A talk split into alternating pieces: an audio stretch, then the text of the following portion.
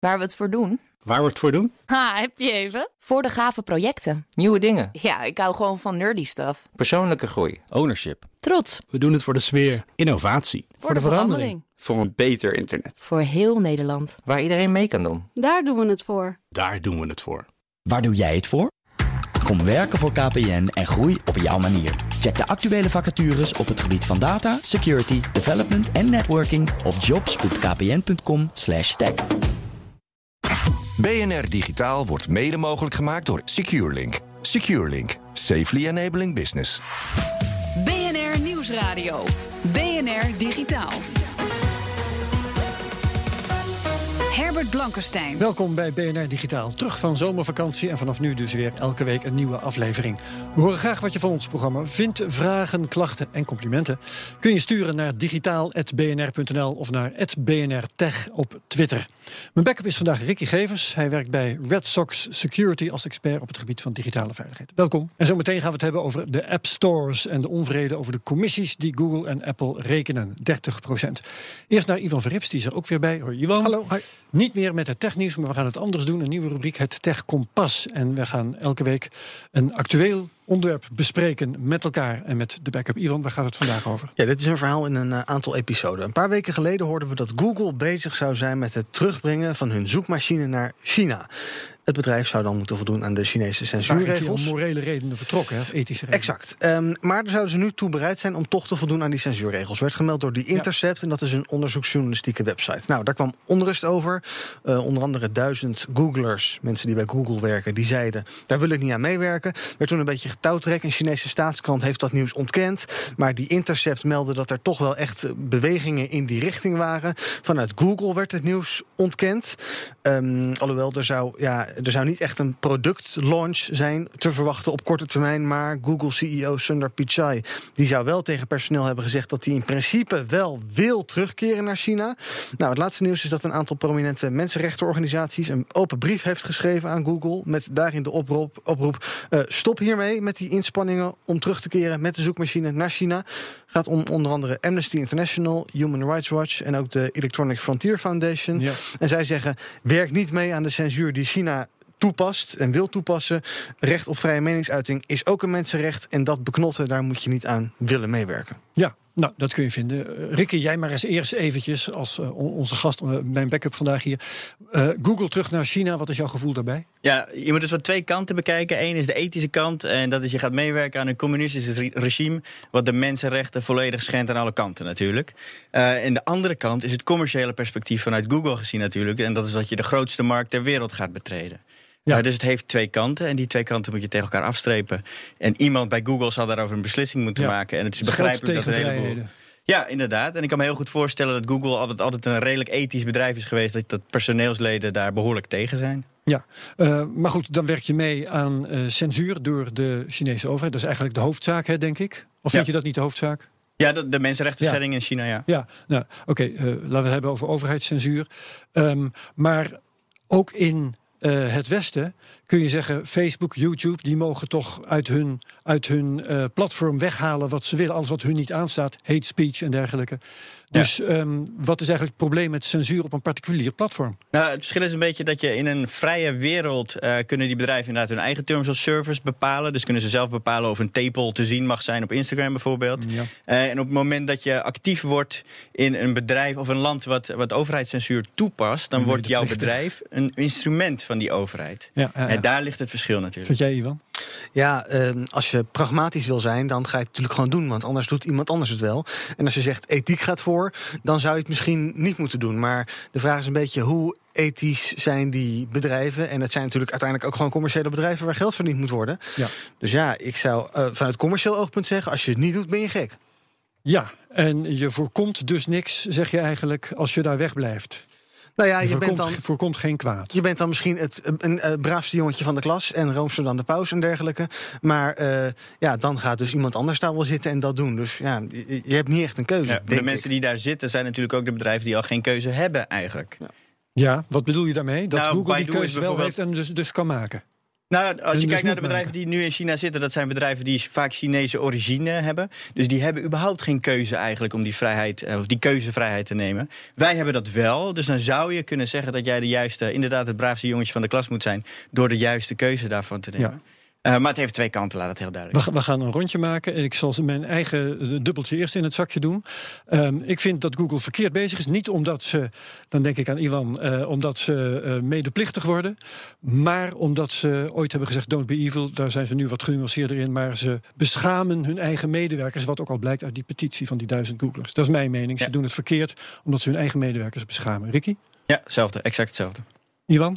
Ja, um, ik denk dat het toch onvermijdelijk is. Dus dat ze het wel gaan doen op lange termijn misschien. Uh, maar ik denk dat voor nu de plannen heel erg diep in de ijskast liggen.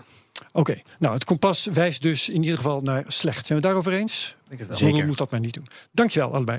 BNR Nieuwsradio. BNR Digitaal. Steeds meer bedrijven en appontwikkelaars maken zich boos om de commissies die Apple en Google rekenen bij hun verkopen in de App Store.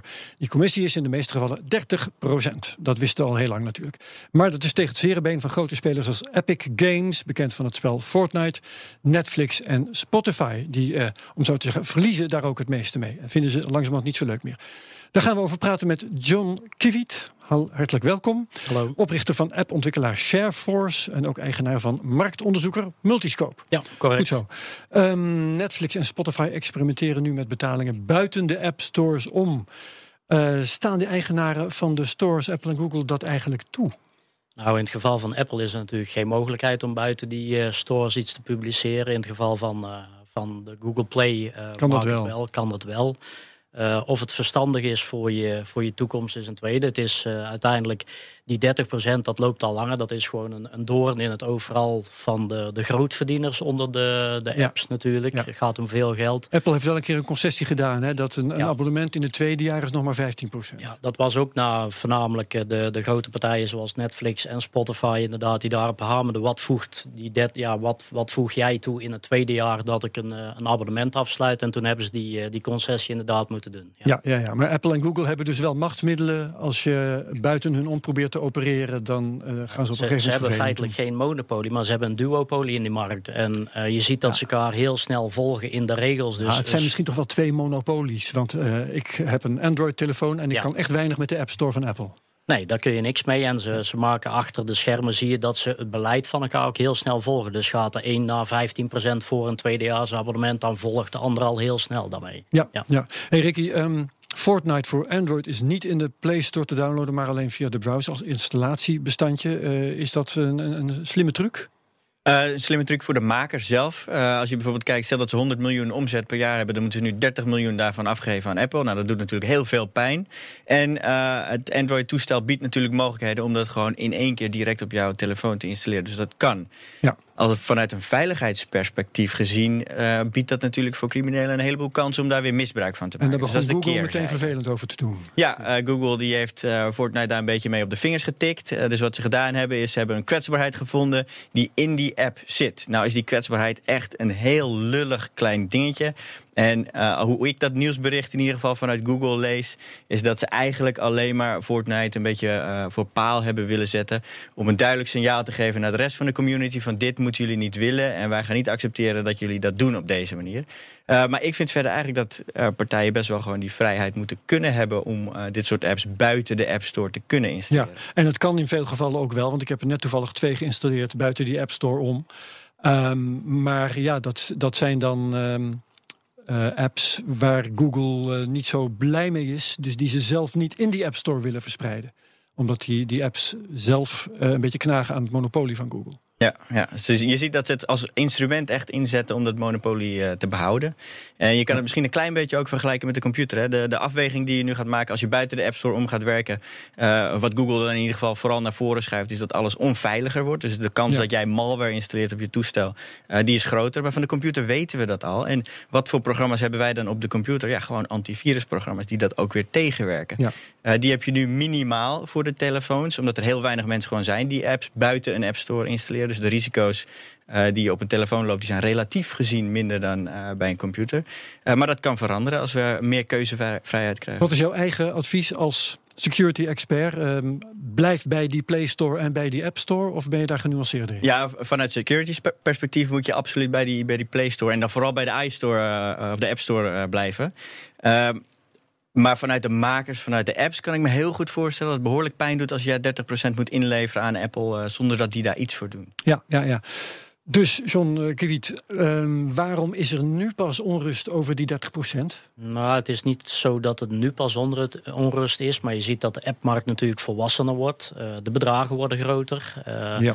Als je als Fortnite 100 miljoen uh, in 90 dagen verdient, dan gaat dat hard natuurlijk. En dan zijn de belangen iets groter dan dat het nog een paar miljoen is. Dus ja. dit, dit leeft voornamelijk bij de, de, de platformen die meer dan 100 miljoen gebruikers hebben. En um, ja, die kijken ook op andere platformen, betalen ze niet die 30%. En ik denk ook wel door dat duopoly, monopoly, hoe dat je het ook noemt, dat, ja, dat, dat uh, percentage ligt gewoon te hoog. Dat uh, een normaal dealerschap of resellerschap van iets betaal je 15 of 20% in de, in de andere wereld, zeg ja. maar.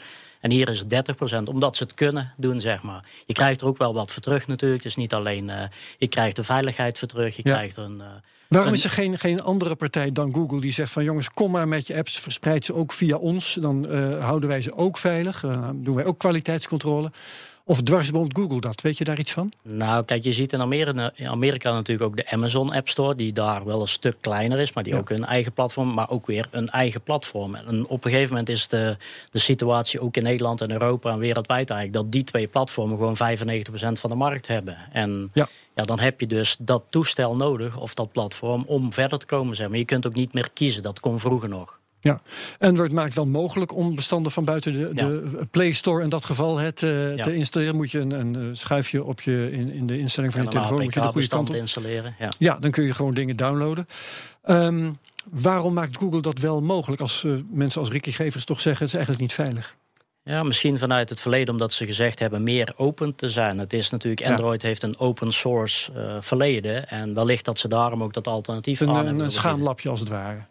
Nou, ik weet niet. Misschien is later daar een wat uh, commerciële model omheen gegaan. En dan hebben ze ook uh, gezien de inkomsten van, van Apple met de App Store... dat ze dat ja, wat meer gesloten hebben willen maken. En ze hebben ja. natuurlijk eigenlijk daarin elkaar gevolgd... In, uh, in hoe ze het commerciële model ontwikkelen. Om even een tussenconclusie te trekken... Hè, als ik nou de vraag stel, gaan Netflix en Spotify met hun stappen van onlangs schoonmaken? Of is het alleen maar weggelegd voor de allergrootste partijen die het ja, de denk... meeste macht hebben en het meest ook te verliezen hebben? Echt alles wat. Uh, de, het is echt een toplaag van apps. Denk aan uh, Spotify, Netflix, Tinder, de grote games zoals Fortnite, maar ook Clash of Clans, dat soort. Uh, die, die kunnen dit. Als je het aan mijn MKB-klanten vraagt, zeg maar, die kunnen niet zonder de App Store. En ook de grotere namen daarbinnen niet. In de nieuwe Amerikaanse film Searching verandert het bioscoopscherm in een computerscherm. Dat hoor je zo. BNR Nieuwsradio. BNR Digitaal. In de nieuwe Amerikaanse bioscoopfilm genaamd Searching kijk je 102 minuten lang naar een computerscherm. Op dat scherm wordt een verhaal verteld en Ivan Verrips bekeek de trailer. We zien een macOS-omgeving, alsof je meekijkt op een laptopscherm.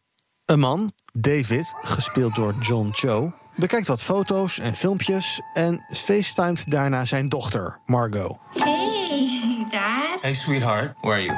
Study group. Gonna go all night. Oh, one more thing. I want to know about the final you took today. En dan opeens. Verbinding weg. Vader bezorgd. Je begrijpt, dit is een thriller. 911, what's your emergency? I'm calling to report a missing person. Okay, who is this regarding? My daughter. I'm the detective assigned to your daughter's case.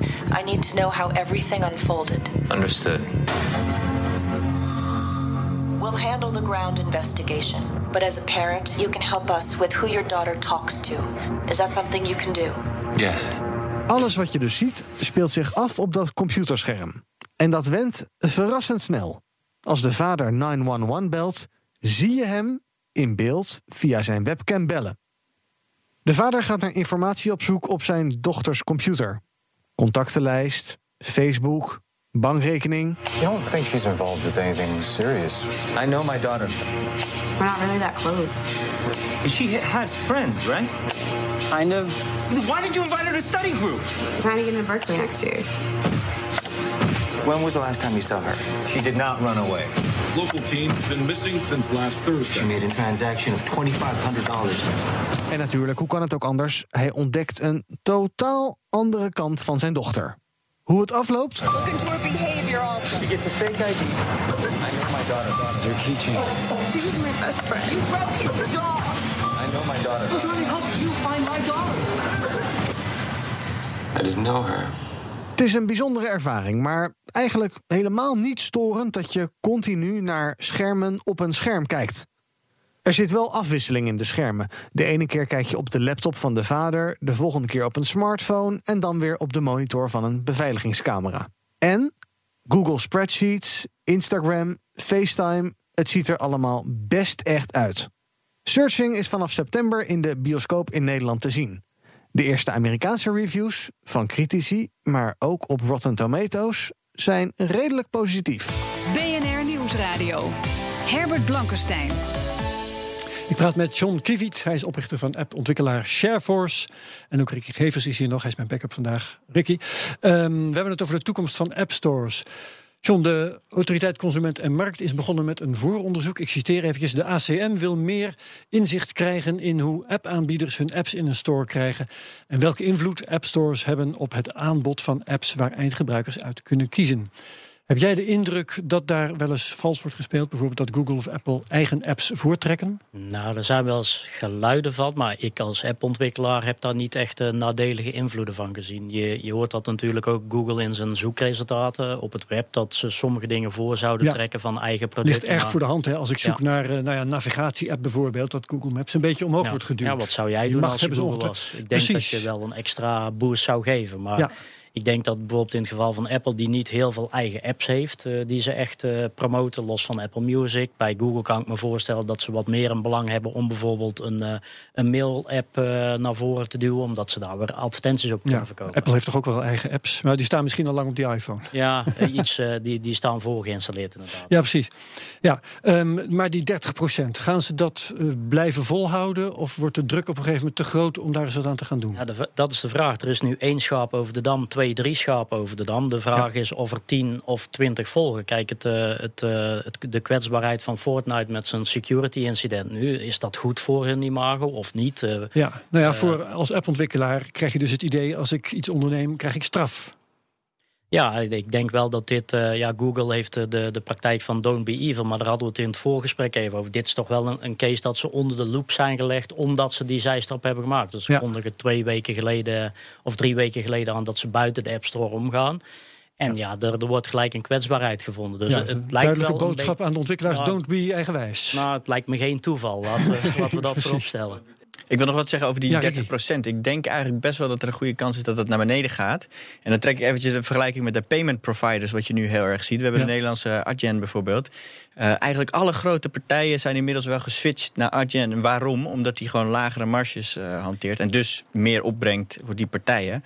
Dus het lijkt mij een logische stap dat we die kant eh, nu opgaan. Een logisch percentage, booking.com of thuisbezorgd, rekent ook provisie. Maar dat ligt op Ja. 10, 15 procent uiteindelijk. eh, Ja. En de- ook daar wordt over geklaagd over. Ja. Dus Ja, natuurlijk. Ja, iedereen wil minder eh, betalen. iedereen dat is, wil dat is logisch. Ja. zijn handel. Ja. Ja, precies.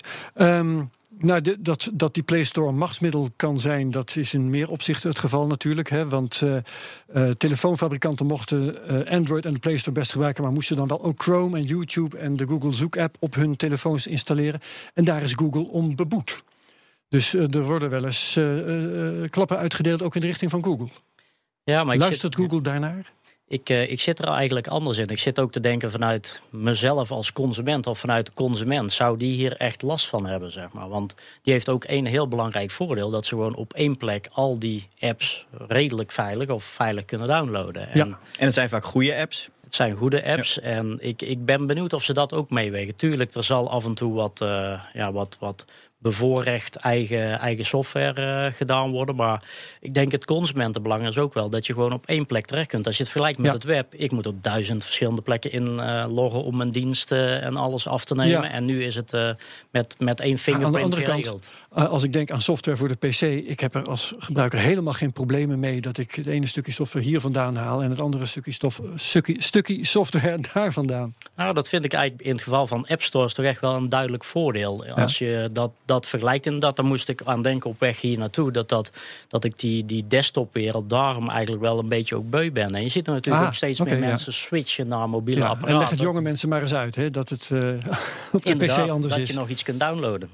Ja, ja, dat ik denk vaak dat het ook heel simpel is. En de mens wil ge- gewoon vaak één universeel eh, iets. Hè. We gebruiken allemaal één chat-app. We gebruiken allemaal één mail-applicatie. We gebruiken allemaal Windows, om maar even iets, eh, iets te noemen.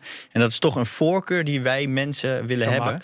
En als je een monopolie hebt, dan heb je gewoon heel veel geld ook om te innoveren. En dus die producten weer heel goed te maken. Dus een monopolie heeft zeker zijn voorkanten en, eh, en zijn nadelen. ook. Ja, ja. En jij, John, zei, eh, ja, wat maakt het de gebruikers eigenlijk uit? Eh, als het aan Apple ligt, niks. Hè, want die verplichten appontwikkelaars ook om hun eh, apps niet elders goedkoper aan te bieden. Nee, dat gaat geloof ik over uitgevers. Hè. Hun, die mogen hun producten via een app aanbieden... als ze ze ergens anders maar niet goedkoper aanbieden. Ja, precies. En in het geval van Dus die Spotify- marge die wordt echt uit de, uit de, uit- uit de eh, opbrengst van de uitgever betaald. Ja, en in het geval van Spotify bijvoorbeeld, die zet er zelfs een bedrag bovenop om die 30% weer eh, uiteindelijk terug te kunnen verdienen. Dus je bent duurder uit als je eh, Spotify afsluit via de App Store.